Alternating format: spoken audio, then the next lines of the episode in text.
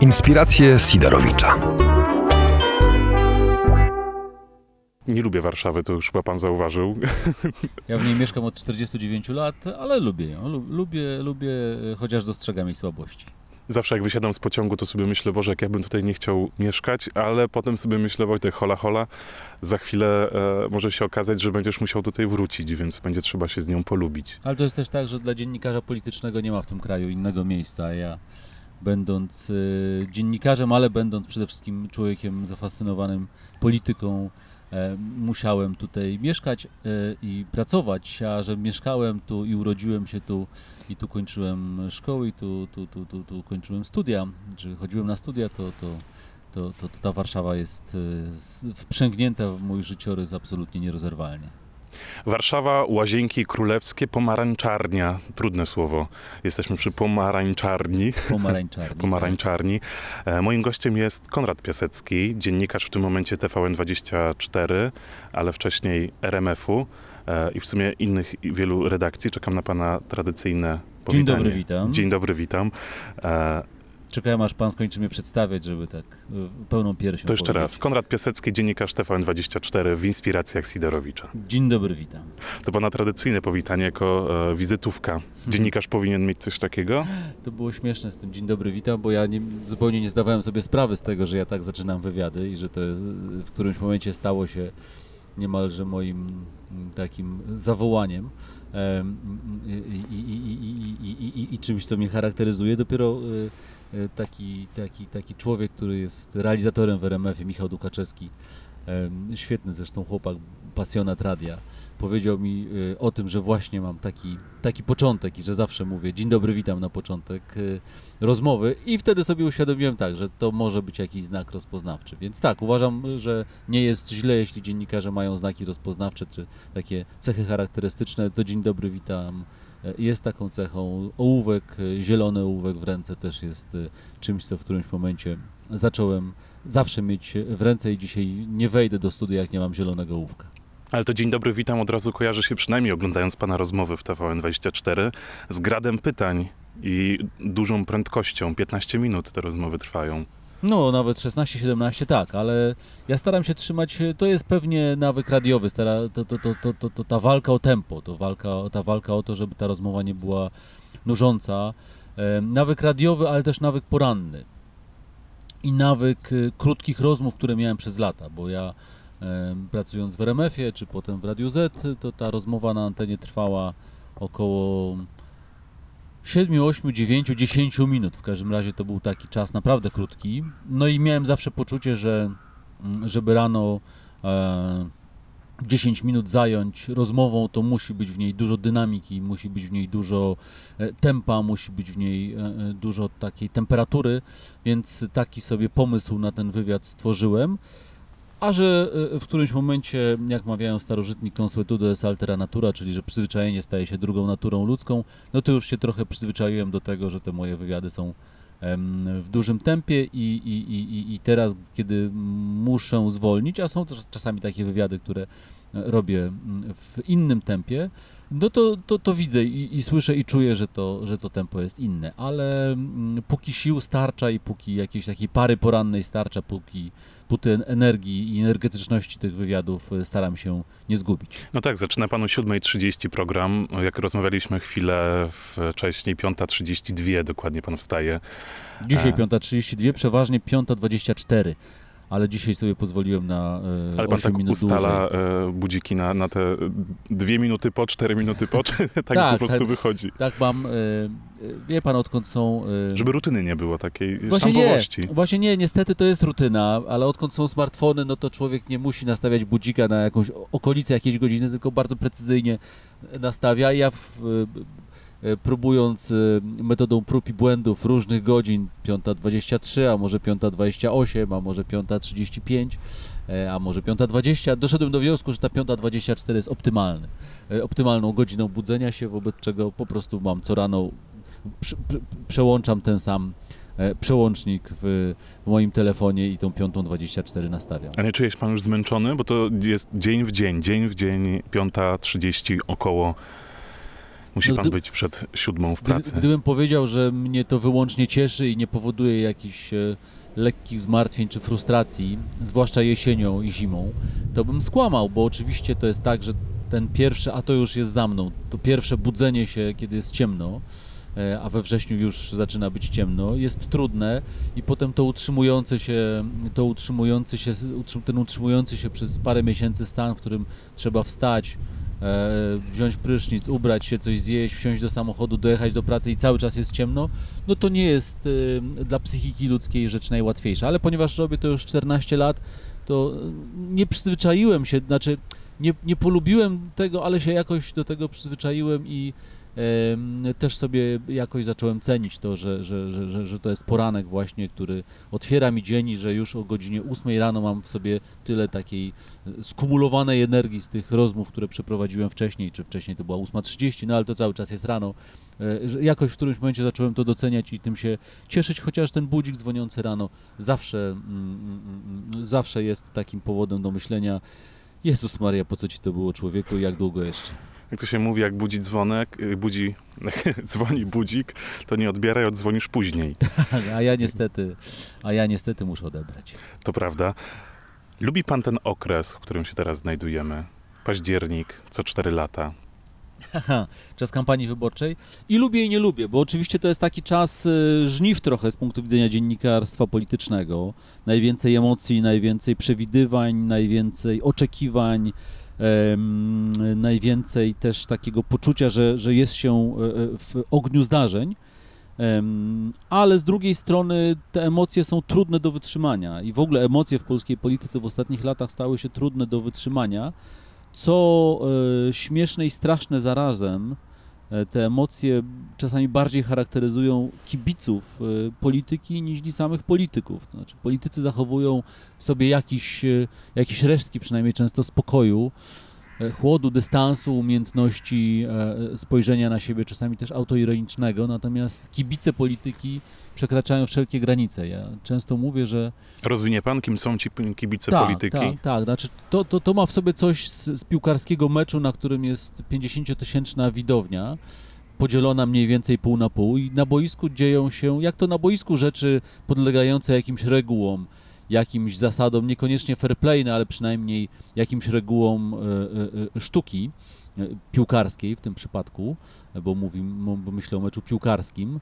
E, Jest jakiś gdzieś sędzia, e, e, kopanie się po kostkach się zdarza, ale raczej jest ewenementem, em, a, a w każdym razie nikt jakoś nie, nie, nie, bardzo sobie, nie bardzo sobie, nie, nie, nie woli sobie na to nie pozwalać zanadto. Natomiast kibice szaleją, kibice się okładają mocnym słowem, a czasami i pięścią. I tak jest trochę w tej polskiej polityce, że ci oczywiście emocje wśród zawodników, tych, którzy są na boisku, są silne. One też są silniejsze niż bywało parę lat temu, ale to są wciąż zawodnicy, którzy potrafią po skończonym meczu wymienić się koszulkami i uścisnąć sobie rękę. I kiedy gasną światła w studiu, oni potrafią, e, nawet jeśli przed chwilą były duże emocje, trochę z tych emocji, trochę tych emocji z siebie spuścić e, i, i, i, i, i, i ko- pokonwersować normalnie. E, Jest tak, e, wczoraj miałem kawę na ławę, gorąca atmosfera związana z dyskusją o ministrze, czy byłym ministrze, dzisiejszym prezesie NIK-u, panu Banasiu i jego problemach. Jest przerwa reklamowa i ci politycy, którzy jeszcze przed chwilą mocnym, mo, mocnym e, e, e, e, słowem się do siebie odzywali, chociaż parlamentarnym, e, zaczynają opowiadać sobie dowcipy i ta atmosfera właśnie, to też się... mnie ciekawiło, czy, czy potem w tych, po tych rozmowach oni dalej idą na pięści, czy, czy rzeczywiście e, jednak jest tak, że się trochę tę sympatię pokazują. No właśnie nie, no właśnie to jest jednak tak, że to jest jednak tak, że oni potrafią e, e, e, e, za, zapytać, a co u ciebie, a jak dzieci, a jak żona, Czy to jest tylko maska, wybierasz? tylko i wyłącznie? To, to, ja bym powiedział, że y, znaczy to, to nie jest y, y, to nie jest teatr, Mhm. bo to nie o to chodzi, żeby to był teatr, ale to są ludzie, którzy się spierają w jakimś obszarze, a w innym obszarze się znają, znają często od lat, a może nawet lubią, tak? Znaczy, to tak jak w naszym życiu. Potrafimy się spiąć z naszymi przyjaciółmi, bo dyskutujemy, nie wiem, o filmie, któryśmy właśnie obejrzeli, albo właśnie o polityce i w tej sprawie się nie zgadzamy i się fundamentalnie nie zgadzamy i spieramy, kłócimy, a nawet, a nawet e, e, e, jakieś emocje nas, nas ponoszą, bo rozmawiamy o, o na przykład polityce, która nas emocjonuje, ale kończymy rozmowę o polityce i jesteśmy wciąż przyjaciółmi. I trochę podobnie jest z politykami. Oni w tej sferze polityki się ze sobą spierają, oni się ze sobą kłócą, oni mają do siebie żale, pretensje i słusznie albo mniej słusznie się E, sobie patrzą, patrzą na ręce i krytykują. Natomiast poza tym to są ludzie tacy jak wszyscy inni ze swoimi problemami, sympatiami, antypatiami, w dodatku niekoniecznie układającymi się po liniach partyjnych, czasami wręcz przeciwnie. E, charakterystyczny zresztą obraz wczoraj w Świdnicy na rynku spotkali się Michał Dworczyk, czyli szef kancelarii premiera z Grzegorzem Schetyną, który tam był i Tomaszem Siemoniakiem i potrafili ze sobą w miarę normalnie porozmawiać. Oczywiście tam było trochę takiego teatru i trochę takiej tremy i spięcia i, i, i, i mówienia. No też takiego... kampania, nie wiadomo co kto z... No właśnie, i takiego mówienia do kamer, ale, ale to była, to, to, to, to, oni nie rzucili się sobie do gardeł. Tymczasem ci e, kibice, zwłaszcza ci kibice tacy twitterowo-facebookowi, zatracili już wszelkie mm, e, e, granice emocji, wszelkie granice obrzucania się inwektywami, wszelkie granice tego, co, co wypada, co nie wypada, co jest kulturalne, co jest niekulturalne. I rozgrywają się tam dantejskie, dantejskie sceny. E, na tych, na ty, w tych mediach Ja pamiętam taki obrazek e, chyba z Parlamentu Europejskiego, coś związanego z Unią Europejską, już nie pamiętam dokładnie, ale Donald Tusk e, gaworzący sobie z Andrzejem Dudą e, w kuluarach, bez dźwięku oczywiście, ale ile to potem emocji wywołało w komentarzach. To chyba nie był Parlament Europejski, tylko ONZ, sesja, Tak, tak, tak, sesja, dokładnie tak, ale ONZ. Donald Tusk i Andrzej Duda. No, no, no, no, no właśnie. I, i, I wyglądali dosyć normalnie. tak, i myślę, że gdyby Donald Tusk się spotkał z Jarosławem Kaczyńskim w tychże kuluarach albo w jakichkolwiek innych kuluarach, też by potrafili ze sobą parę słów zamienić. Przypomnijmy, że Donald Tusk e, wyje, wyjeżdżając z kraju dostał od e, Jarosława Kaczyńskiego, fakt, że w tym było chyba teatrum, dostał od Jarosława Kaczyńskiego życzenia powodzenia i uścisk ręki na sali sejmowej. Potem się okazało, że to Adam Hoffman, ówczesny rzecznik PiSu, doradził prezesowi. No ale, ale, ale nawet Jarosław Kaczyński dość twardy w słowach, a nawet bezwzględny e, często, potrafił taki gest wykonać, więc y, ja mam zawsze takie poczucie, że, mm, że naprawdę my, obserwatorzy, bo też się uważam za obserwatora, chociaż trochę uczestnika, ale my, obserwatorzy polityki, powinniśmy troszeczkę, troszeczkę głębiej odetchnąć czasami, zanim wyrzucimy z siebie tak mocne słowa, które potrafimy wyrzucać, wypisywać. E, e, zapędzając się czasami e, stanowczo za daleko. Wspomniał Pan o Twitterze i o tych właśnie kibicach polityki. Jest u Pana na profilu ten przypięty post, który mm, sobie zrobiłem screena dzisiaj. Sorry, od dziś wprowadzę zasadę, że na odezwanie się na Twitterze w sposób, jakiego nie akceptuje w realu kulturalny człowiek, daje bana.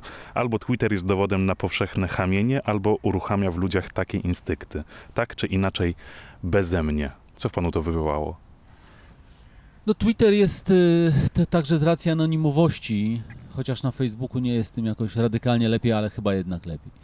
E, ale... Tam są zdjęcia w sumie, imię, nazwisko jednak na, Tak. Facebook, Facebook bardziej weryfikuje. Na, na Twitterze każdy może być y, koniem polskim albo, mm, albo kaligulą, y, wobec czego, wobec czego anonimowość niesłychanie e, sprzyja mm, takiemu zachowaniu, które, którym ludzie nie mają już e, umiaru, to znaczy e, piszą rzeczy, które odzierają zgodności, piszą rzeczy oskarżycielskie, piszą rzeczy, na które by sobie nie pozwolili nigdy w świecie realnym. Co więcej, piszą rzeczy, które jeśli ja reaguję w podobny do nich sposób, to oni są oburzeni. Jak mogę do nich coś takiego e, napisać?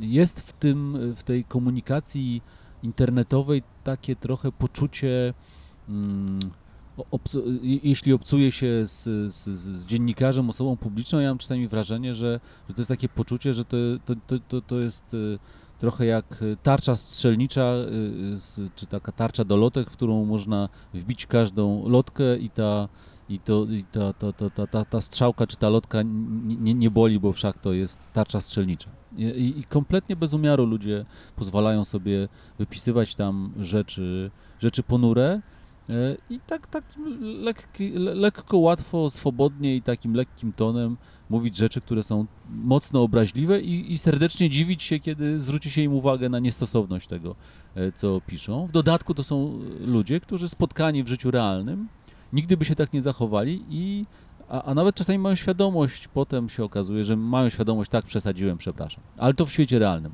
W życiu twitterowym, czy w życiu, w życiu e, mediów społecznościowych Tego to chyba to słowo, zdarza. przepraszam, nie nastąpi. Rzadko, rzadko, rzadko. Czasami się zdarza, ale to e, ja też po, po prostu nie mam czasu na, na Mhm. dyskutowanie, debatowanie z, z, ze wszystkimi, bo ja bym niczego innego nie robił przez 24 godziny na dobę. Jeśli mam 460 tysięcy osób, które e, śledzą mój profil, no oczywiście wiele z nich jest nieaktywnych, no ale, ale, ale te kilkadziesiąt tysięcy na pewno jest aktywnych, no to jeśli Przy co, moich całych 20 obserwujących. to jeśli co setna z tych osób postanowi do mnie napisać raz na tydzień, no to można sobie policzyć, ile ja dziennie dostaję postów, które polemizują z, z tym, co ja mm, piszę. Więc nie, nie, nie wdaję się, czy staram się nie wdawać zanadto w awantury, żeby nie tracić na to życia, e, bo ono jest e, na to za krótkie. No ale, ale, ale po prostu, y, y, y, no, mówiąc językiem twitterowym, banuję, czyli blokuję te konta, które zachowują się w sposób, którego nie akceptuję. Zanim przejdę jeszcze do kolejnych e, pytań, już bardziej o pana, o pana życie, może trochę prywatne, dziennikarskie też, e, to dzisiaj też pan wrzucił na, na Twittera, e, bo jednak jak robię sobie przegląd rano, lubię to, bo dosyć jest to ciekawe, jak politycy, czy nie tylko politycy, osoby publiczne e, wrzucają materiały na, na Twittera, to można się dużo więcej rzeczy ciekawszych dowiedzieć z zupełnie innej perspektywy niż tylko tych wiadomości. I pan e, wrzucił post Katarzyny Lubnauer, która została w TVN-ie, e, nie w TVN, tylko na, na pocztę e, TVN-owską obrażona dosyć mocno. No, I- to tam ta, nawet, nawet, tam Mhm. pojawiła się groźba. Rzeczywiście było tak, ja wczoraj się już o tym dowiedziałem, Katarzyna Lubnauer w trakcie trwania programu na skrzynkę e, pana programu. mojego pro, Mhm. tak, kawy na ławę, w której Katarzyna Lubnauer była gościem, na skrzynkę TVN24 przyszły dwa maile z groźbami. E, z wulgaryzmami i groźbami wobec Katarzyny Lubnauer. TVN zawiadomił o tym policję, bo nie lekceważymy takich sygnałów, zwłaszcza po historii, e, dramatycznej historii gdańskiej i Pawła Adamowicza. E, Nie należy tego robić. E, Zawiadomiliśmy policję i policja bardzo szybko i bardzo mm, serio wzięła się, e, wzięła się za tę sprawę. Katarzyna Lubnauer- jeszcze wczoraj po południu została przesłuchana w tej sprawie i ten człowiek został namierzony. Mm, Policja ją ostrzegła, e, żeby nie wychodziła z hotelu e, poselskiego, bo on e, jest gdzieś w Warszawie, na terenie Warszawy i jest w okolicach Sejmu. Mhm. I, z, i, I rano dostała informacja, że on został e, schwytany. Pytanie, jak się, jaki ta sprawa będzie miała finał, oby, oby surowy dla tej osoby, ale rzeczywiście no, to jest taka historia dramatyczna, dramatyczna i pokazująca, jak wiele w ludziach potrafi być nienawiści. Najczęściej, na, na, na, najczęściej i na szczęście to są historie jednak po prostu e, werbalnego, werbalnej przesady i werbalnego e, zapędzenia się, e, no ale trzeba dmuchać na zimno.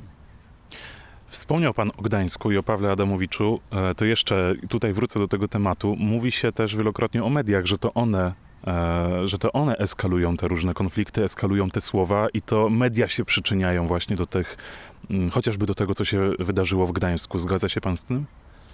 To jest bardzo mocne oskarżenie, znaczy powiedzieć, że media odpowiadają za czyjąś śmierć. Ja, ja nawet y, nie śmiem nigdy powiedzieć, że, że to politycy odpowiadają za, za śmierć czyjąś, a, a w tym przypadku, że jakiś język nienawiści odpowiada za, za śmierć Pawła Adamowicza, bo tego nie wiem. Znaczy w, w głowie człowieka takiego jak, jak morderca Pawła Adamowicza mogą y, ulęknąć się, czy ulęc się bardzo różne e, myśli. E, To może być człowiek chory, to może być człowiek opanowany jakąś chorobą psychiczną.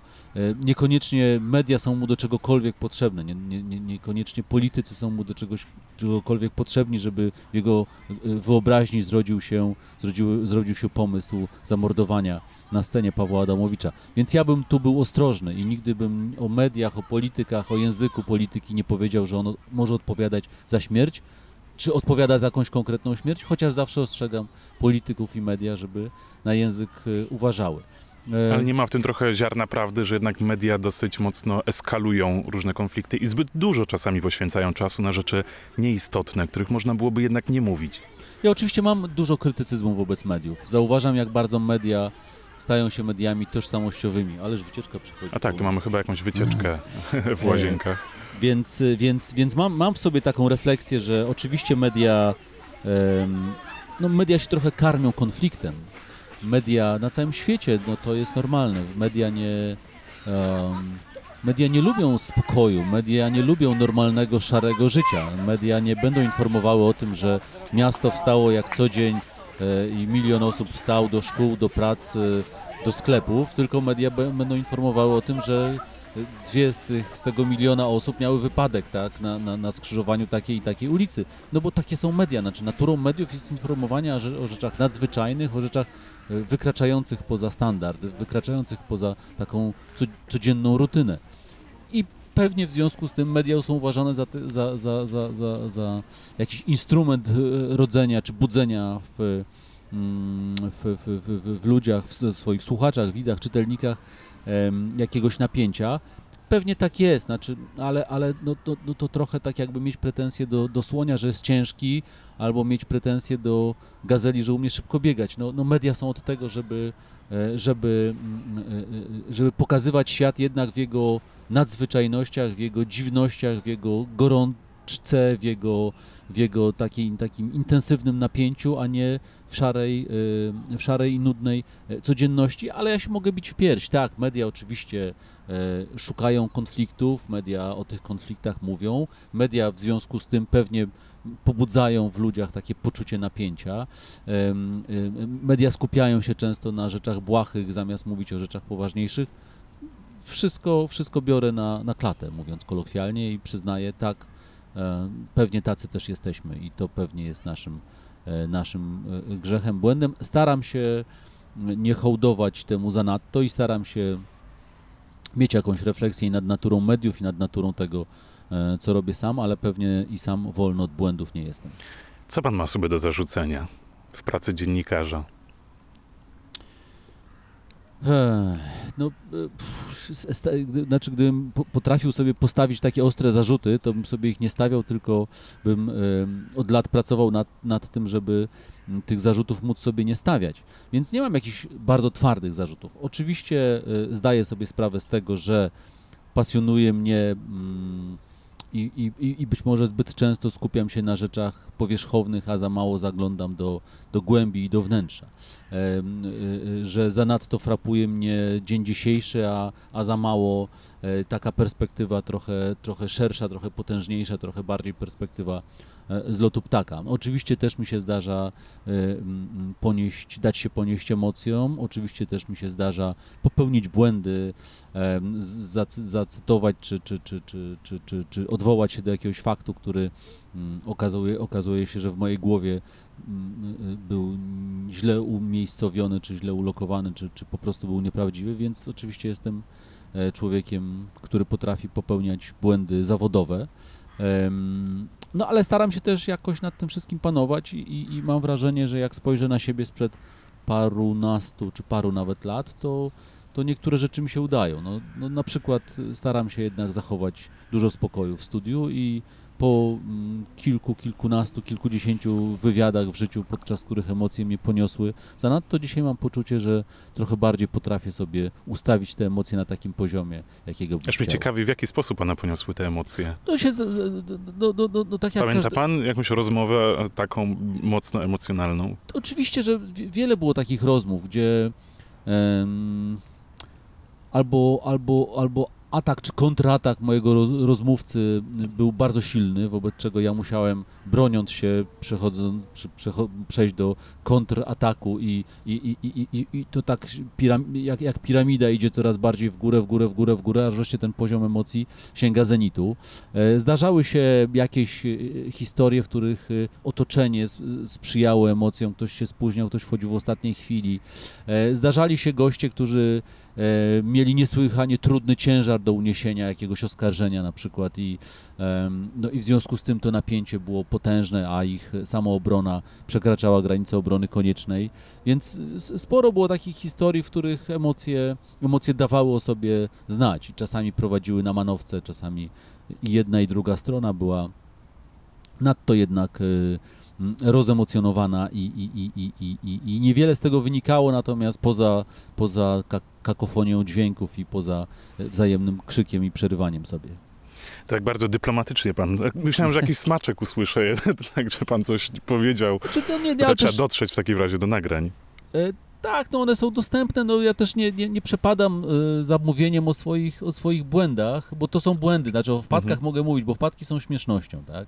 Jak przedstawiam gościa e, na początek wywiadu z złym imieniem, on mi zwraca uwagę, obiecuję mu, że tak zapamiętam, po czym na koniec wywiadu przedstawiam go tym samym złym imieniem, no to to jest wpadka i z tego się mogę pośmiać.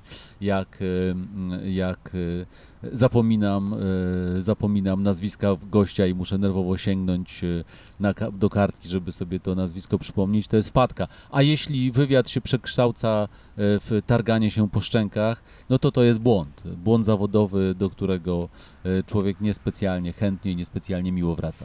Pan jest weteranem dziennikarstwa, już tak można trochę Dobrze. powiedzieć. Jak to strasznie brzmi. Niech pan mi nie rani serca.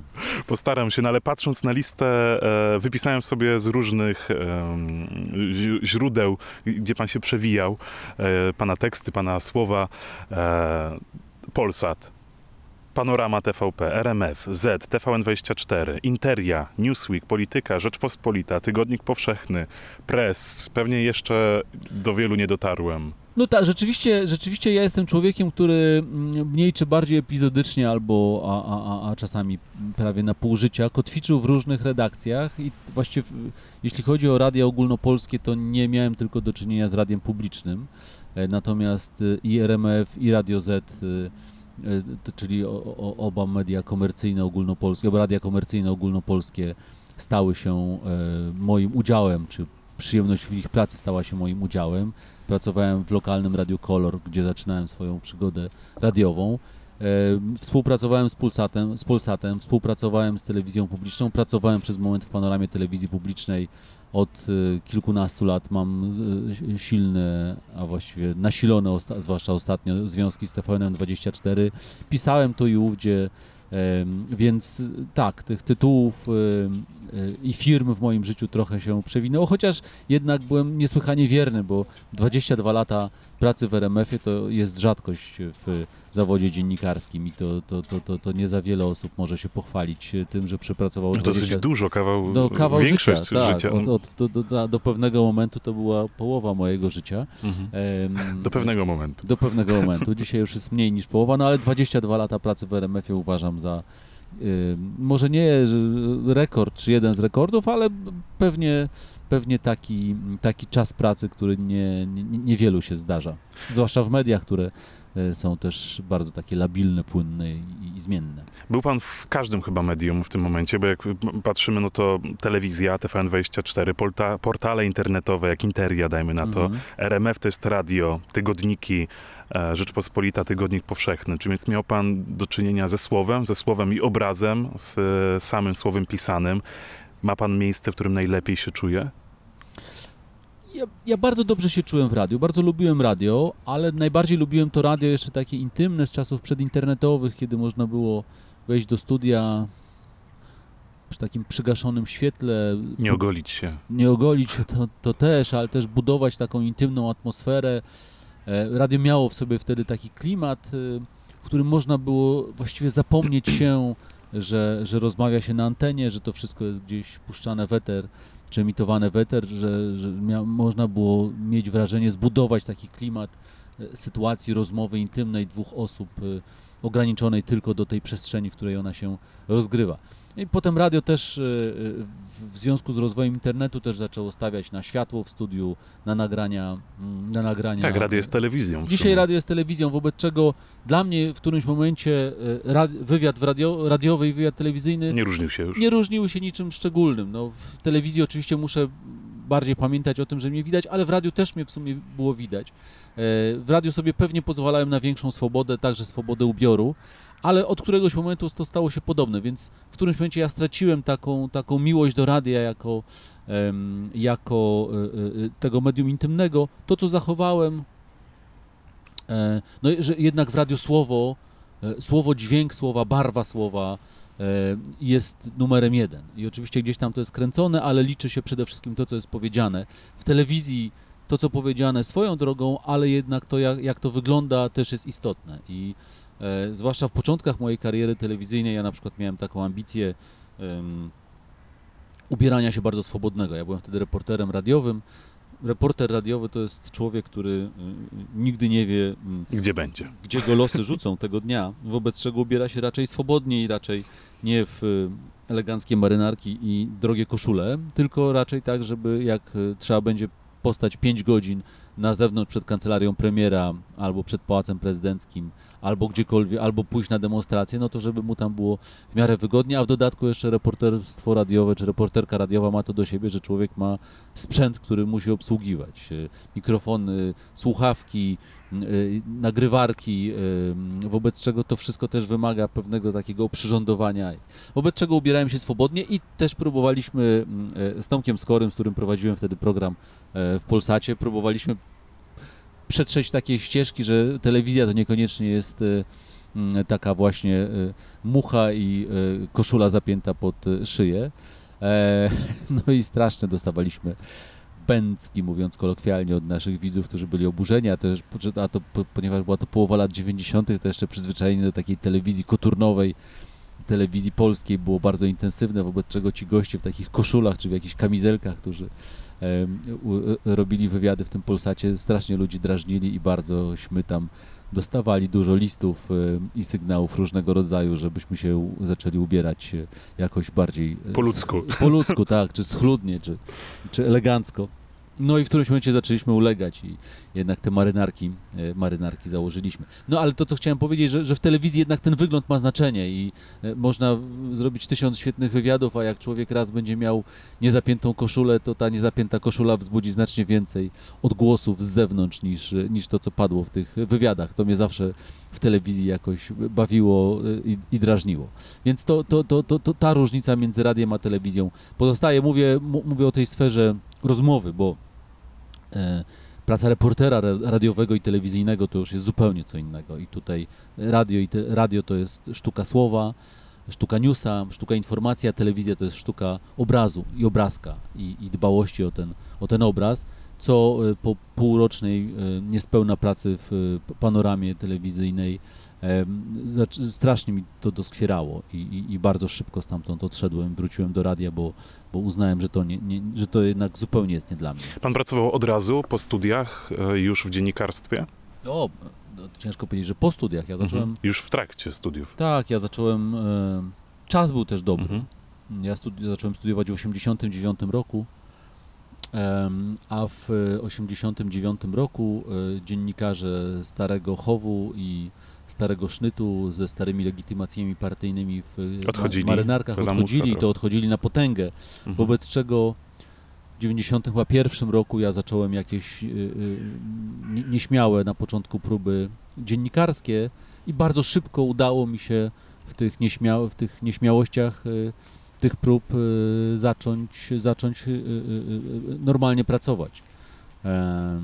W radiu, potem w radiu RMF, zacząłem pracę y, będąc jeszcze na studiach, co z punktu widzenia mojego studiowania fatalnie się skończyło, bo nie tylko, że nie, że przedłużałem te studia, to, to w końcu nie zakończyłem, nie zwieńczyłem ich pracą magisterską, bo już tak Czy nie dużo jest miałem... magistrem? Nie, nie jestem magistrem. Mamo, nie. mamo, słuchaj tego.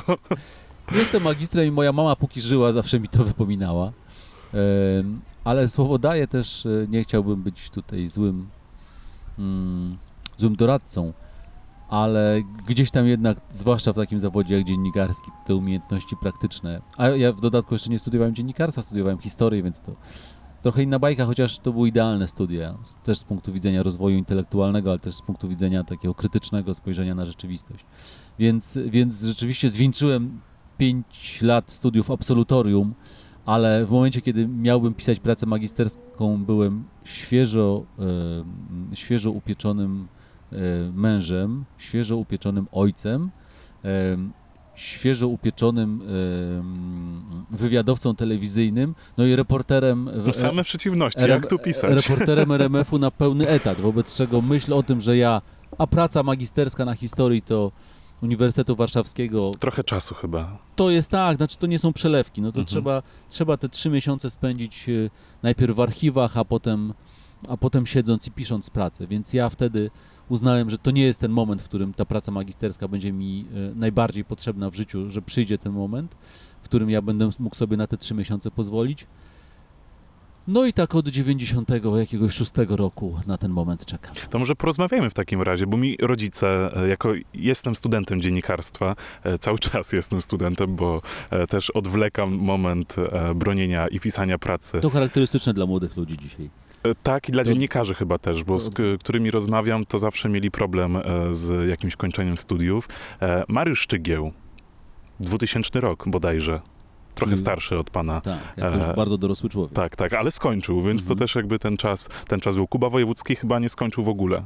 Nie wykluczam, nie wiem. Janusz Schwertner z Onetu, czołowa postać, też tutaj był gościem, e, więc z nim rozmawiałem na ten temat. Wykłada na uczelni, bez studiów. Ja też mam zajęcia ze studentami. Tak, na warsztat radiowy. Civitas, tak. Tak. I też bez, no, bez skończonych studiów dziennikarskich. Ale uważa pan, że w takim razie studia dzisiaj są do czegoś potrzebne, tak naprawdę? Chociażby nawet w tym zawodzie zostajemy przy Znaczy, dziennikarstwie. ja uważam... Coś panu to utrudnia, że pan nie ma jednak tego e, nie, magisterium? No, nie, no nikt mnie w życiu nie zapytał, e, nie zapytał mnie nikt, przyjmując mnie do pracy, czy ja mam magisterium, czy nie. To, to dzisiaj, zwłaszcza w tej pracy, no to, to nie jest praca urzędnicza, w której trzeba mieć jakieś wykształcenie niezbędne. No, ale m, mówiąc serio i nie... e, Ja nie deprecjonuję studiów. E, Studia e, w moim życiu były bardzo ważne. Mówię absolutnie serio, były bardzo ważnym czasem.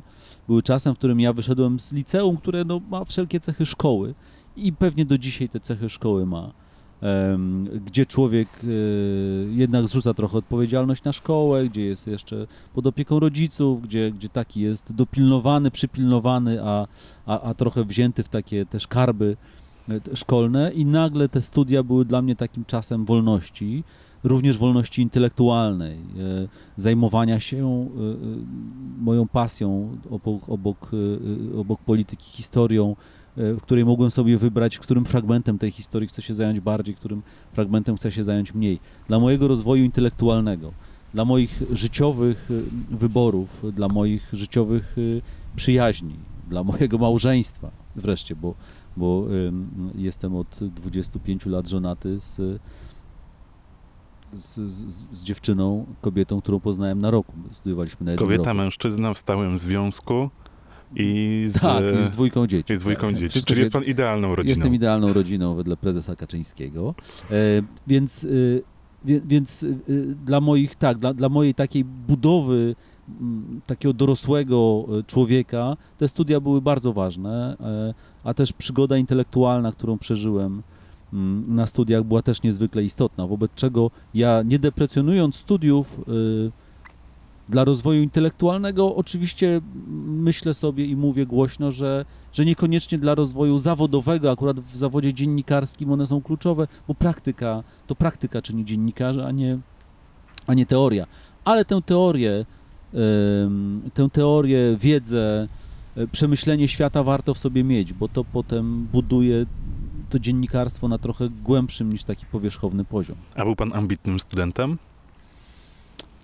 Nie, na nie, piątkach? Nie, nie szaleńczo ambitnym, aczkolwiek różne ambicje miałem. e, 3 plus od Tomasza 3 Nałęcza. plus od Tomasza Nałęcza do dzisiaj mnie boli, e, bo była to historia najnowsza, którą, e, z, którą, z której się sp- specjalizowałem. Z, e, na, chodziłem na seminarium profesora Marcina Kuli, e, czyli historia najnowsza. mm, I z historii najnowszej miałem pisa, pisać pracę magisterską, więc ta historia najnowsza, najnowsza była naj, naj, najgłębszą moją pasją, e, więc te 3 plus bolało, ale ja byłem, to, to miałem stypendium naukowe, aczkolwiek wtedy stypendium naukowe nie, to nie była bardzo trudna do osiągnięcia e, rzecz, ale więc byłem takim studentem powiedzmy średnim plus. No. Szybko zrozumiałem, że, że ja nie będę pracownikiem naukowym, że to nie jest moja, e, to nie na mój temperament ta, ta działalność, wobec czego też nie miałem takiej podniety, że oto muszę tymi piątkami dowodzić, że na tej uczelni powinienem zostać. E, Na trzecim roku zacząłem pracę zawodową, która mnie zaczęła bardzo pochłaniać, co też utrudniało mm, uczenie się do egzaminów, więc s- spokojnie na, na powiedzmy tych trze, trzech plus i czwórkach e, a i piątkach zajęć e, studia po, skończyłem, w sensie zrobiłem absolutorium. Ta Trójka Plus z Nałęczą to też jest ciekawa historia, o której pan w, w swojej książce wspomina, Zamki na Piasku, bo też jest pan autorem swoich e, wspomnień, e, 20 obrazków z życia dziennikarza. Tak, no to jest taka książka łącząca trochę wspomnienia z takim, z takim e, e, spojrzeniem na, na, na świat, z opisywaniem e, tego, z czym dziennikarz się musi zmagać. E, Trochę tam przemyciłem moich poglądów na, na świat, ludzi i życie.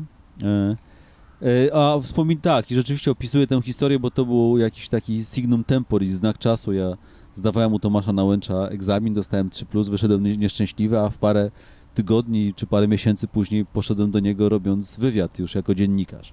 Więc y, to była taka, to był taki przeskok właśnie z takiego czasu życia studenckiego do czasu e, życia zawodowego, już takiego pełną, pełną gębą i, i, i, i, na pełny wymiar. Więc y, tak, to, to, to, było, to był taki moment, który mi uświadomił, że oto nagle wchodzę, wchodzę w trochę inne życie, w trochę inny, inny świat i trochę teraz inaczej będę na ten świat patrzył i trochę inaczej będę w nim działał. Powiedział pan, że przemycił w tej książce trochę swoich poglądów na świat i to mnie ciekawi, jaka, jaka jest pana opinia. Czy dziennikarz może mieć poglądy? Dziennikarz ma poglądy, dziennikarz może po, mieć poglądy, i dziennikarz musi mieć poglądy. Pytanie, jak tymi poglądami operuje. Po pierwsze, pytanie, jakim jest dziennikarzem? To znaczy w tym sensie, e, e, czy Nie, jest że- dziennikarzem r- informacyjnym, czy, czy dziennikarzem, który jest publicystą, człowiekiem, który ma opisywać świat trochę przez pryzmat własnych subiektywnych poglądów. Jeśli jest dziennikarzem informacyjnym, to oczywiście poglądy może mieć, bo jest obywatelem, ale dziennikarstwo informacyjne ma bardzo sztywne reguły, jeśli chodzi o, o, o, o poglądy. Co, gdzie, po- kiedy, jak? co tak, musi odpowiadać na fundamentalne pytania i siedzimy w parku i dziennikarstwem informacyjnym będzie powiedzenie, że przed nami jest zielona trawa, po lewej naszej stronie idą dwie dziewczęta, które mają na głowach e, czapki podobne do toczków e, jeździeckich, że oto przed nami na wprost jest stara pomara- pomarańczarnia, e, a dookoła nas drzewa. I to jest obiektywny, in, in- informacyjny informacyjny opis rzeczywistości, ale subiektywnie możemy powiedzieć, że jest ładnie, że mi jest trochę zimno, że powinienem mieć na szyi e, szalik, którego nie No wziąłem. pan wybrał miejsce. Tak jest, tak, przyznaję się. E, I że, ale że miło nam się rozmawia i to już jest wszystko subiektywne, tak? to nie jest informacja, wobec czego to o tym dziennikarz też może mówić, ale może o tym mówić, powinien o tym mówić, oczywiście nie o rzeczach tak banalnych, tylko o poważniejszych, wyraźnie oddzielając informację od komentarza. W ogóle dziennikarstwo mocno o tym zapomina i, i, i, i jak spojrzę na, na, na dzieła niektórych moich kolegów po fachu, to, to, to z takimi klasycznymi zasadami oddzielania informacji od, od komentarza ma to bardzo niewiele wspólnego, ale są jakieś granice, wobec czego dziennikarz informacyjny może mieć poglądy, nie może nimi epatować. Dziennikarz publicysta może mieć poglądy, ma poglądy i tylko od niego zależy to, na ile tymi poglądami zamierza operować, a na ile zamierza trochę jednak z chłodem, trochę z dystansem, trochę e, z taką rezerwą wobec rzeczywistości uprawiać ten e, zawód. Wychodzimy ze świata sztywnych definicji. W ogóle, moim zdaniem, dziennikarstwo wychodzi z tego świata. Media są coraz bardziej tożsamościowe, media coraz bardziej docierają do bardzo sprecyzowanej, opisanej, określonej grupy odbiorców. Media coraz bardziej chcą, ale też wybo- wy, wy, ich y, y, widzowie i słuchacze coraz bardziej oczekują od nich takiego subiektywnego, y, skróconego, e, spakowanego opisu rzeczywistości z, przemyte, z przemyconymi albo wprost wypowiedzianymi e, ocenami subiektywnymi. Tutaj Stany Zjednoczone, zwłaszcza telewizje amerykańskie, przecierają e, tę ścieżkę. Fox, CNN, y, widz Foxa to jest y, republikański konserwatysta, widz CNN-u to jest liberalny demokrata i one sobie zdają z tego sprawę, te telewizje zdają sobie z tego sprawę, tak kształtują siebie, tak kształtują swoich e, dziennikarzy, tak kształtują swój wizerunek, tak kształtują swojego odbiorcę i tak, tak, taki odbiorca ma coraz nich, e, wobec nich coraz silniejsze oczekiwania. A to przejdźmy jeszcze płynnie od tych poglądów e, do jednej rzeczy, do obiektywizmu. Jeden z e, moich słuchaczy, który jak opublikowałem na swoim Instagramie listę gości na najbliższy czas, poprosił o zapytanie pana i pana Roberta Mazurka, Mhm. e, który również, mam na, liczę, że spotkam się teraz podczas tego pobytu z nim tutaj w Warszawie. Poprosił o zapytanie, czy dlaczego pan myśli, że jest obiektywny? O tak to można w skrócie, w skrócie powiedzieć. Nie, ja nie myślę, ja, znaczy ja wiem, y, ja wiem, co to znaczy obiektywizm. Ja nie jestem obiektywny, oczywiście, że nie jestem obiektywny. Znaczy ja mo- mogę, y, tak jak to co, to, co się bawili, w to, co się bawiłem przed chwilą, ja mogę obiektywnie opisać świat. Tak? Mogę opisać obiektywnie, że są wybory parlamentarne 13 października, że wedle dzisiejszych sondaży y, wybory wygra Prawo i Sprawiedliwość, osiągając wedle średniej sondażowej z dzisiaj taki i taki wynik, druga będzie koalicja. No to jest, to jest obiektywne, Mhm. tak? Bo to, to jest obiektywna informacja. Ja obiektywny już nie jestem, bo ja oczywiście e, e,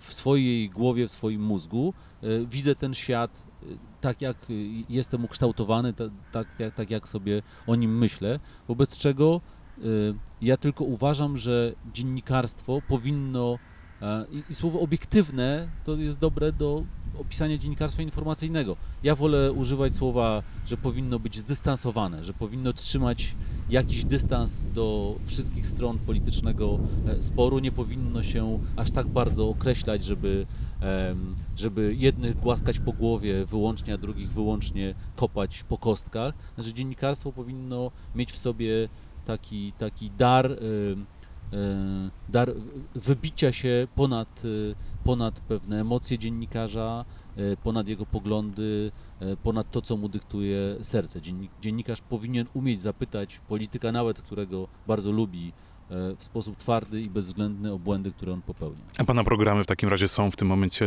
bardziej informacyjne, czy bardziej publicystyczne, jak pan sam to? Nie, one oczywiście są publicystyczne. Znaczy one, ja też nie, nie mam ambicji, ja, ja, znaczy ja też chcę robić publicystykę i robię publicystykę. Znaczy ja jestem tu, gdzie jestem, także dlatego, że jestem e, e, Konradem Piaseckim, który ma swoje doświadczenia e, zawodowe, życiowe, który ma dzisiaj 40, prawie 9 lat, który coś w dziennikarstwie przeżył, coś w nim widział, coś w tej polityce przeżył, coś w niej widział. To, to ja, ja, nie- ja nie jestem człowiekiem do zadania 10 pytań, które mam na kartce, które ktoś mi jeszcze podsunie. Tak? Ja jestem człowiekiem, który ma porozmawiać ciekawie z moim gościem, ale, e, e, ale to ja mam z nim porozmawiać. Tak? Znaczy to, to, to, to, to, to, kim ja jestem w tym zawodzie, ma też w tej rozmowie pewne znaczenie. No, ta rozmowa się nazywa rozmową Piaseckiego, e, tę, którą robię e, w, codziennie rano. Nie na darmo ona ma ten właśnie, e, to, to, to moje nazwisko w tytule, no bo to ma być rozmowa Piaseckiego. I kto nie chce, ten nie ogląda. Tak, ale to ona, ona ma być rozmową Piaseckiego ze wszystkimi wadami i zaletami, lepiej, żeby z zaletami, ale wadami i zaletami tegoż Piaseckiego, no. Więc, więc, więc, więc to jest rozmowa, która jest, ma być rozmową autorską, z, ze wszelkimi cechami e, rozmowy autorskiej, aczkolwiek oczywiście to autorstwo też ja sobie jakoś definiuję, opisuję i też mam w głowie to, jak, jaką tę rozmowę chcę prowadzić. Powiem panu, że e, lubię na przykład chodzić do, do redakcji teraz e, na 6 rano, bo wtedy jak mamy włączone telewizory, to 7.30 wybija i jest pana rozmowa. E, I tutaj zastanawiam się to, co bardzo podziwiam akurat. E, pana spokój, opanowanie. Pan się nie daje wyprowadzić z równowagi. Czego to jest kwestią? Przygotowania, obycia, doświadczenia? chyba też takiego już wewnętrznego spokoju, też takiej dobrze pojętej rutyny, tego, że już człowiek wie, że zrobił tak wiele tych wywiadów, że, że umie, y, y, y, nie, nie tylko wie, ale też już tak wiele zrobił tych wywiadów, że potrafi zapanować nad emocjami. Emocje w studiu mm, no są zawsze jakieś, tak, ale im człowiek jest mniej doświadczony, im mniej ma w sobie tej, tej dobrej rutyny, tym bardziej się tym emocjom daje ponosić, znaczy ma tremę w momencie wejścia na antenę, łatwo go wyprowadzić z równowagi, szybko się z, z, zapala, ten ląd emocjonalny jest bardzo krótki, a jak się robi e, dwu- 25-tysięczny wywiad w swoim życiu, pewnie aż tylu ich nie mam, no ale powiedzmy 15-tysięczny wywiad w swoim życiu, no to doświadczenie tych 14 999 wywiadów daje znać o sobie również w tej sferze emocjonalnej tego, że, że można e, zachować więcej spokoju, więcej dystansu, więcej chłodu, więcej, ale też się e, bardziej szczerze roześmiać, tak, albo bardziej szczerze, e, albo bardziej szczerze, znaczy, ale, albo szczerze rozemocjonować, ale, zap- ale potrafić nad tym zapanować. A pana da się wyprowadzić z równowagi już poza na przykład studiem radiowym czy telewizyjnym? No da się, no ja nie jestem jakimś człowiekiem... Z, Cyborgiem. Z, z, nie jestem cyborgiem ani człowiekiem z, kar, z kamienia. Mam swoje emocje i, i, i- emocjonalny emocjonalny bywam. Dzisiaj pewnie trochę to w ogóle jest pewnie jakoś moje życiowe. Kiedyś się łatwiej dawałem wyprowadzać z równowagi. Dzisiaj mam w sobie więcej e, spokoju takiej, e, takiego człowieka, który już ma swoje lata, swoje przeżył. Ja też jestem ekstrawertyczny, znaczy szybko, szybko wy, wy, szybko epatuję emocjami, które w sobie mam, ale też one są dosyć krótkie. No, nie potrafię się obrażać specjalnie na, na, na długo, nie potrafię się emocjonować specjalnie długo. Wy, zdarza mi się wybuchać, ale te wybuchy są e, krótkie i, i, i z tym większą radością się potem godzę. Jako e, dosyć młody dziennikarz, e, nie, nie chciałem powiedzieć w porównaniu do pana, ale ogólnie młody, wchodzący w ten zawód, e, bardzo mnie ciekawi, co to jest zszywka gazetowa. Wracając do pana początków, takie coś usłyszałem. Wie pan, że kiedyś nie było internetu? E, Naprawdę? No, kiedyś było tak, że nie było internetu. Proszę sobie wyobrazić te dawne, dobre czasy, albo te dawne, straszne, nie, straszne czasy, bo internet jednak jest fantastycznym wynalazkiem. Em, Były takie czasy, kiedy internetu nie było i kiedy dziennikarz e, musiał sprawdzić coś, co działo się parę miesięcy wcześniej, a nie miał tego w swojej głowie, albo potrzebował dokładny cytat z jakiegoś wywiadu, no to musiał jechać do Biblioteki Narodowej na przykład i sięgnąć po strzywkę gazetową, znaleźć e, dzień, w którym wydawało mu się, był ten artykuł, który go interesował i go przeczytać. Potem było takie ułat- ułatwienie, że były takie firmy, do których się dzwoniło i prosiło się o wynalezienie czegoś. I te firmy, i te firmy miały te strzywki i przysyłały faksem efekt tego grzebania w tych strzywkach. Mm, No ale potem pojawił się internet i świat się zasadniczo zmienił. Czy rozumiem, że to są wszystkie tygodniki e, bo- zebrane? No to, to dzisiaj w Bibliotece Narodowej, jak pojedziemy Mhm. do Biblioteki Narodowej, to wszystkie gazety, wszystkie tygodniki tam są. Mhm. E, wszystkie mają obowiązek przesyłania swoich egzemplarzy. Ja mam do- takie wspomnienie z Radia Kraków, e, w którym byłem na stażu kiedyś, że właśnie wszystkie tygodniki były zbierane i wydawca, czy tam ktoś w redakcji potem je takim ogromnym dziurkaczem Tak, dziurkował i, i taką e, jeszcze brązową, nie wiem, czy to jest pozostałość czasów radia, ale taką brązową, e, brązowym sznurkiem wszystkie zwijał i trafiały do szafy. Czy to jest ta zszywka? Tak, to jest szywka. Czyli A jednak się być brązowy sznurek? Nie wiem, może taki mieli po prostu. Pamiętam tymi, brązowy. z tymi sznurkami to jest e, ciekawa sprawa. Gruby na pewno. Kancelarie, mm, kancelarie, kancelarie państwowe miały Mhm. wszystkie swoje oznaczenia. Pamiętam z czasów studenckich kancelaria pruska. Kancelaria pruska miała najbardziej precyzyjne oznaczenia, że tam powiedzmy jak jest tasiemka czerwona, to znaczy, że to dotyczy jakiejś sfery spraw, a tasiemka żółta takiej, a niebieska takiej, więc zastanowiłem się, czy ta brązowa strzywka, czy ta brązowa taś, taś, taśma używana do Myślę, że pozostały z Rad- czasów. Mogła być, bo wy w Krakowie jesteście bardzo konserwatywni. Te e, cesarsko-królewskie obyczaje mogły zapaść w głowie tak, że wciąż te strzywki się Magazyny rejestrują. są wypełnione tymi e, Tak. sznurkami brązowymi. A pan jeździł do Krakowa do RMF-u, czy tutaj był od początku w Warszawie? Znaczy jeździłem, no, jeździłem oczywiście, no bo gdzieś musiałem e, się zatrudnić, podpisać umowę o pracę, e, więc jakieś relacje i, i wyjazdy do Krakowa nie były takie bardzo rzadkie, ale też to nie było permanentne. No ja parę razy w roku jechałem do Krakowa. Czy stamtąd rozmów pan nie prowadził? Zdarzało się, ale, ale ja generalnie byłem od zawsze przywiązany do Warszawy, byłem zatrudniony jako reporter Mhm. e, warszawski, polityczny, polityczny reporter warszawski, więc to Warszawa była tym miejscem, z którym ja byłem najmocniej zawsze A związany. był pan w nowej siedzibie RMF-u tutaj, w Tu Warszawie? w Warszawie nie, nie byłem. Tam, gdzie teraz jest pana była rozmowa. Tak, Wszędzie są tak. pana byłe rozmowy. Beata Lubecka w Radio Z, e, Robert Mazurek w Radio RMF. No tak, tak, tak, ale no, też nie, nie jestem aż tak, znaczy jestem silnie przywiązany do różnych rzeczy, ale też nie, nie, nie jestem ich ojcem, albo nie zawsze jestem ich ojcem. Akurat y, i gościa Radia Z, no to dziedziczyłem po, po wybitnych poprzednikach moich, y, a kontrwywiad RMF-u to też była, mm, to też była rzecz, którą zaczął Kamil Durczok. Ja Mhm. po roku zacząłem z nim na przemian prowadzić ten, te, tę rozmowę, więc, y, więc nie, nie mogę powiedzieć, że na tyle jestem z nimi związany, że, e, że, że to ja byłem e, zwo- no, gościu Radia Z to w ogóle nie ma co mówić, ale nawet w przypadku kontrwywiadu, no to była rzecz, która, którą współdzieliłem z kimś.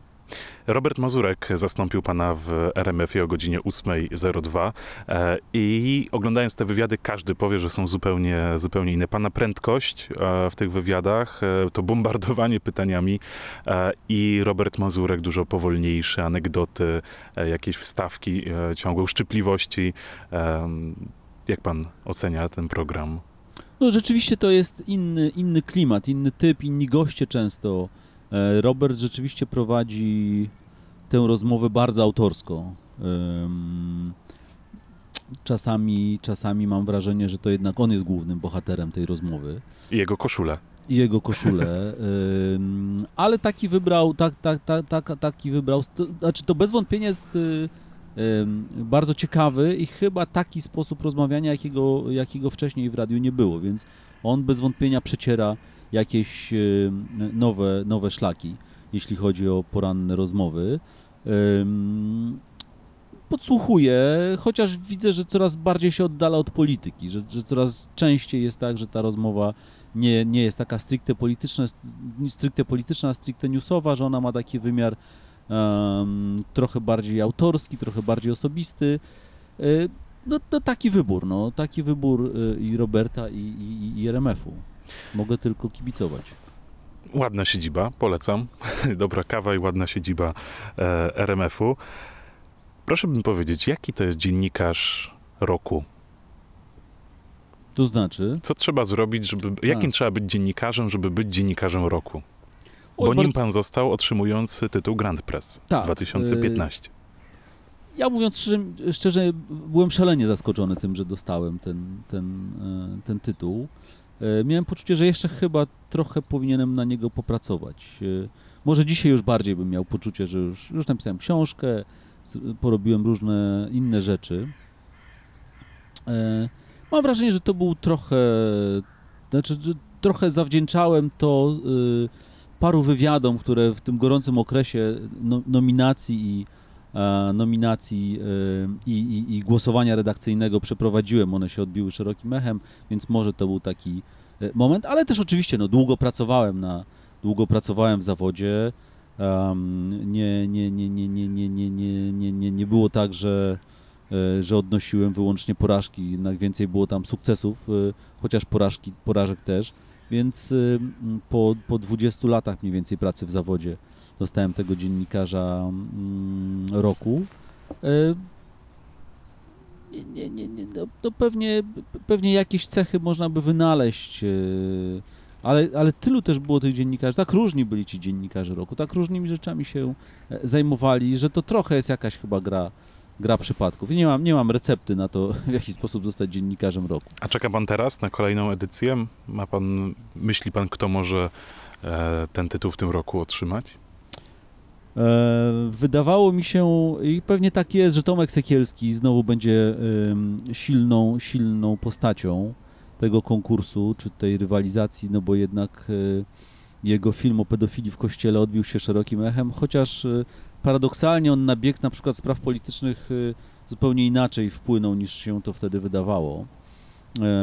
Pytanie, Więc- czy miał wpłynąć też jednocześnie? Pytanie oczywiście, czy miał wpłynąć, ale wydawało się, że to innymi, innymi ścieżkami pójdzie, więc myślę, że, e, że Tomek Sekielski na pewno ma, mm, ma szansę. E, No ale to jest znowu, go, będzie gorący, wyborczy rok, zobaczymy co się dzieje. Środowisko jest coraz bardziej podzielone, e, coraz trudniej o... o ja, bym, ja, bym, ja, jeszcze uważam, że e, parę, parę, paru osobom na pewno się te, ten tytuł należy, które może nie zostały tak bardzo. Na pewno Andrzej Stankiewicz. E, Ja bym Piot- Piotra Zarębę bardzo docenił, bo to jest, bo Piotr Zaręba jest człowiekiem jednak wywodzącym się z takiego dziennikarstwa e, tożsamościowego, który potrafi zachować bardzo dużo zdrowego, e, zdrowego rozsądku, więc, więc jeszcze myślę, że Onet zostanie też doceniony, bo oni ich parę tekstów w tym roku No, rzeczywiście... zmieniła się redakcja dosyć Tak. mocno. Tak, więc, więc parę ich tekstów w tym roku rzeczywiście wz, wzbudziło, wzbudziło sensację, E, więc, więc e, pomyślę o tym tak, już niedługo, bo to w październiku, listopadzie mhm. się e, są te nominacje i, i, i, i, i, i, i, i nagrody. To prawda. To jeszcze zapytam, bo już widzę, że panu też, też już troszeczkę zimno się robi w łazienkach panu królewskich. Też. Jest tak. No jest dosyć. sprawdzałem pogodę, miała być zupełnie inna. Nie wiem, czy to się tak zmieniło. Albo sprawdziłem dla Krakowa niechcąco z przyzwyczajenia. Ma pan czas na czytanie książek? E, Czas to ja nawet bym miał. Większy problem Mhm. jest taki, że ja żyję w tak pośpiesznym świecie, że ja coraz większy mam problem z takim odłączeniem się od świata i rzeczywistości, nie patrzeniem e, w telefon, czy nie patrzeniem w komputer i skupieniem się na czytaniu książki. Rekompensuję to sobie słuchaniem książek, kupuję mm, audiobooki i słucham. Czyli czyta pan? czytam, czytam Mhm. słuchając, ale też czytam książki. Znaczy zawsze mam jakąś jedną, dwie książki otwarte, otwarte koło łóżka, mm, często z zupełnie innych e, sfer e, i jakiegoś audiobooka, którego sobie słucham, więc, więc staram się nie wypaść e, z obiegu książkowego. Było za dwa tygodnie gala rozdania nagród Nike w Warszawie. Miałem swojego faworyta, mojego, TVN24 będzie transmitował mojego przyjaciela. Emila Marata, który Mhm. był nominowany mm, za książkę Sen Kolumba, bardzo dobrą, e, o, o, o, o pierwowzorze postaci, która posłużyła Bratnemu do tytułu Kolumbowie rocznik 20. Nie załapał się na tę czołową chyba szóstkę, Mhm. więc, y, więc, więc jej nie dostanie. E, Ale tak, znaczy staram się też na przykład być, być jakoś au courant z, z, z, z literaturą polską, która dostaje nagrodę Nikę. Tak Staram się i literacko, ale też y, historycznie, znaczy jeśli chodzi o książki historyczne czy książki publicystyczne, nie wypadać y, z obiegu. Bywa to trudne, oczywiście książek ukazuje się mnóstwo, trudno za tym nadążyć, ale, ale stara, staram się próbować. To prawda. Od razu też tak mówię o tym, bo inspiracje Sidorowicza pojawią się na Galinikę, to też e, i tam jest dwóch rozmówców, Mariusz Szczygieł, którzy Mhm. byli gościem, moimi gośćmi i Gosia Reimer. Których z tych książek pan czytał? Nie ma Szczygła? Będzie mu przykro. Nie czytałem. Czytałem. b- Częściej jest tak, że sięgam po książkę, która dostała Nikę, wobec czego y, zeszłoroczną nagrodę, y, zeszłoroczną, czyli Marcina Wikło, tak? Dobrze? Tak, tak, tak, nawet Po- chyba Powtarzam nazwisko. Bo Widziałem, że pan. Nie, nie, nie Wikło. Wi, Marcin Wicha, rzeczy, Marcin których Wicha, nie tak. wyrzuciłem. Marcin Wicha. No to, no to dramatyczne też. Zacząłem słuchać. Najpierw kupiłem sobie audiobooka i zacząłem słuchać go na dwa A tak tygodnie. pan mówi, że dramatyczne? Znaczy dla mnie dramatyczne osobiście, bo dwa tygo... zacząłem słuchać tej książki dwa tygodnie przed śmiercią mojej mamy. Mhm. e, a to jest książka o rozliczeniu i właśnie przeży... przeżyłem dokładnie, to, to dokładnie zupełnie inne emocje. tak. Ja wczoraj w pociągu e, był opóźniony o ponad godzinę, bo wagon się zepsuł na dworcu głównym w Krakowie, więc Mm. miałem dosyć dużo czasu. Prawie całą przeczytałem i no właśnie jakoś nie mogę powiedzieć, żeby aż takie emocje we mnie wywołała, jak wszyscy mówią dookoła. No tak, ale to, to pewnie tutaj osobista, osobiste przeżycia Mhm. są istotne. Ja y, czytając tę książkę właśnie zmagając się ze śmiercią e, własnej mamy, czy z poradzeniem sobie ze śmiercią własnej mamy, właśnie z porządkowaniem mieszkania moich rodziców, to, to jest dokładnie ta historia. Znaczy, to Mhm. jest po prostu niemalże jeden do jednego. Niektóre książki, on tam pisze o książkach z takiej serii Nike, że e, mają, e, mają te takie zrudziałe już, czy spopielałe, czy szarzałe okładki rzeczywiście. Sypiący się papier. Tak, i to, to, wszystko, to wszystko jest, jakieś zdjęcia stare, jakieś różne dziwne rzeczy, które sobie człowiek przypomina, że widział je ostatni raz 30 lat wcześniej, więc y, to jest, to jest książka, która y, pewnie znacznie bardziej szarpie emocje, kiedy jest, y, kiedy człowiek ma za sobą te przeżycia. Ostatnie pytanie. Jako, że jest pan dziennikarzem politycznym e, i jesteśmy w tym gorącym okresie wyborczym, bo już niedługo będą wybory, e, słuchając pana rozmów, to jest chyba dobra cecha dziennikarza. Ja nie jestem w stanie w ogóle powiedzieć, na kogo pan zagłosuje. Mhm. A zagłosuję, bo ja Znaczy, zawsze mam głosuję. nadzieję. zawsze głosuję, zawsze namawiam do głosowania, e, bo zawsze mówię, że jak polityka, jak ty nie przyjdziesz nie zainteresujesz się polityką, to polityka interes, zainteresuje się tobą, ale ostatnie lata pokazują, jak bardzo polityka jest istotna, jak bardzo polityka potrafi zmieniać również nasze życie. Mhm. Gimnazja likwidowane przestawiły życie y, milionów uczniów, a ich rodziców. Y, 500 plus też zmienia e, życie. Zmiany dotyczące przedsiębiorców, zmiany dotyczące pracowników, zmiana pensji minimalnej. To wszystko jest polityka. Mhm. Religia w szkołach to jest polityka. Więc to, to naprawdę jest istotne w życiu. E, I, i, I mówienie, że a, gdzieś ta polityka się daleko ode mnie rozgrywa i w ogóle nie ma wpływu na moje życie jest absurdalne. Wobec czego tak pójdę zagłosować, już nawet wiem na kogo. Już pan wie na kogo. Tak, nie, to ja muszę Właśnie nie, chcia, nie chciałem pytać, e, czy Nie, na kogo powiem pan zagłosuje, ale właśnie interesowało mnie, czy pan już wie na kogo, bo ja mam mętlik w głowie, e, mam swoje antypatie, e, myślę, że mm, to też zostaw, ale, ale ja mam mętlik w głowie, nie wiem. Ja wiem, dlatego że no, polityka to moja pasja, ale to też mój zawód. No, Ja Mhm. tych ludzi znam.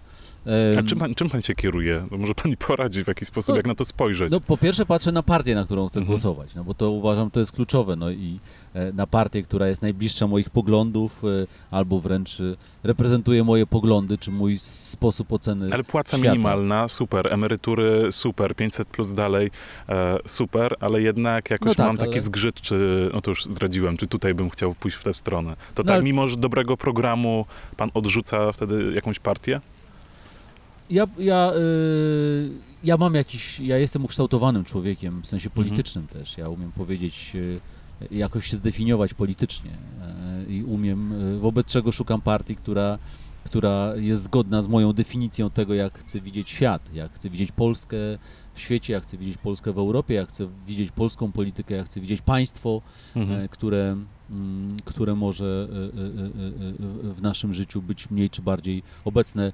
Jak pan słyszy, mówię bardzo ogródkami, bo bardzo nie chcę się jakoś dać politycznie. I nie da się, bo jeździ pan po wszystkich porówno, tak mam Znaczy- takie wrażenie. Znaczy ja jeżdżę, ale przede wszystkim zadaję trudne pytania, bo to nawet nie, ja, ja naprawdę tych ludzi lubię. Mhm. Znaczy to oni są materią, z którą ja pracuję i którą naprawdę lubię, ale to nie znaczy, że jak kogoś lubię, to nie mogę mu zadać trudnego pytania. Czy uważam, że dziennikarz jest od tego, żeby zadawać trudne pytania i nie widzę powodu, dla którego miałbym oszczędzać kogokolwiek tylko dlatego, że go bardziej lubię jako obywatel. Ale jest politykiem, e, jest człowiekiem, który odpowiada za, mm, za naszą rzeczywistość, jeśli jest niekonsekwentny, jeśli czyny e, są zupełnie inaczej, e, zupełnie gdzie indziej niż jego deklaracje, jeśli nie pamięta czegoś, co sam mówił, opowiadał i opisywał. Róża Tun chyba kiedyś u pana w pana rozmowie nie wiedziała, co podpisała. Tak, tak, tak, ale to mnóstwo polityków y, zapomina, co głosiła parę lat wcześniej i dzisiaj głosi zupełnie co innego, więc ja uważam, że jestem od tego, żeby o tym przypominać, a co oni z tym zrobią i co zrobi z tym wyborca, no to już jest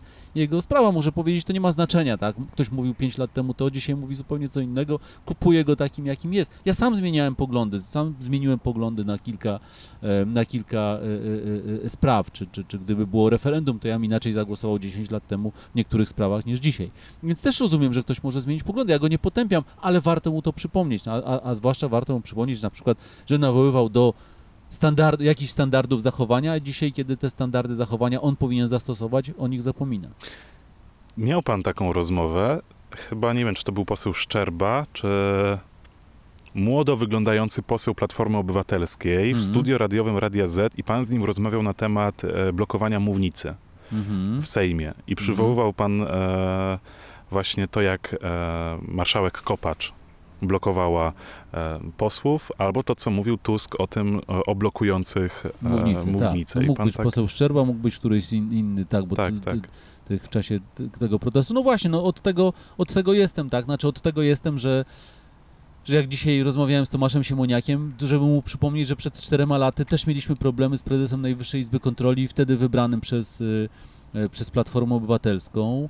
E, I wtedy Platforma Obywatelska nie wzywała go publicznie do dymisji, a dzisiaj po pierwszych podejrzeniach wobec y, prezesa Banasia wzywa go do, do dymisji. Ale jutro będę miał Michała Dworczyka i przypomnę mu, że cztery lata temu Krzysztofa Kwiatkowskiego wzywali do tego, żeby odszedł ze swojego stanowiska, a dzisiaj Banasia bronią. No to uważam, że to jest taki, taka, taka, taki fundament działania dziennikarza, tak, żeby, żeby konfrontować polityka e, e, z, z rzeczywistością, którą kiedyś kreował w jakiś sposób, a dzisiaj kreuje ją Pan sam dobiera rozmówców do programu? No tak, chociaż to oczywiście nie jest takie proste, w sensie to nie jest tak, że ja sobie pstryknę palcem i już wszyscy stoją e, o 7.30 mm, w studiu. Powinni chcieć, a czy szczególnie teraz pewnie chcą. Też to różnie bywa, bo niektórzy Mhm. uważają, że moje wywiady są nazbyt niewygodne, wobec czego po co się mają e, pchać w łapy, e, w łapy, czy w, w, w, jak to się mówi, że ktoś się pcha w łapy lwa? Nie. Jakoś inaczej. No ale W w każdym razie, czy w paszczę O, lwa, chyba o, w po paszczę. co się mają w paszczę lwa pchać? Lepiej wybrać jakiś spokojniejszy, bezpieczniejszy wywiad. O co pan zapyta pana Dworczyka? To nie pójdzie jeszcze jutro, więc...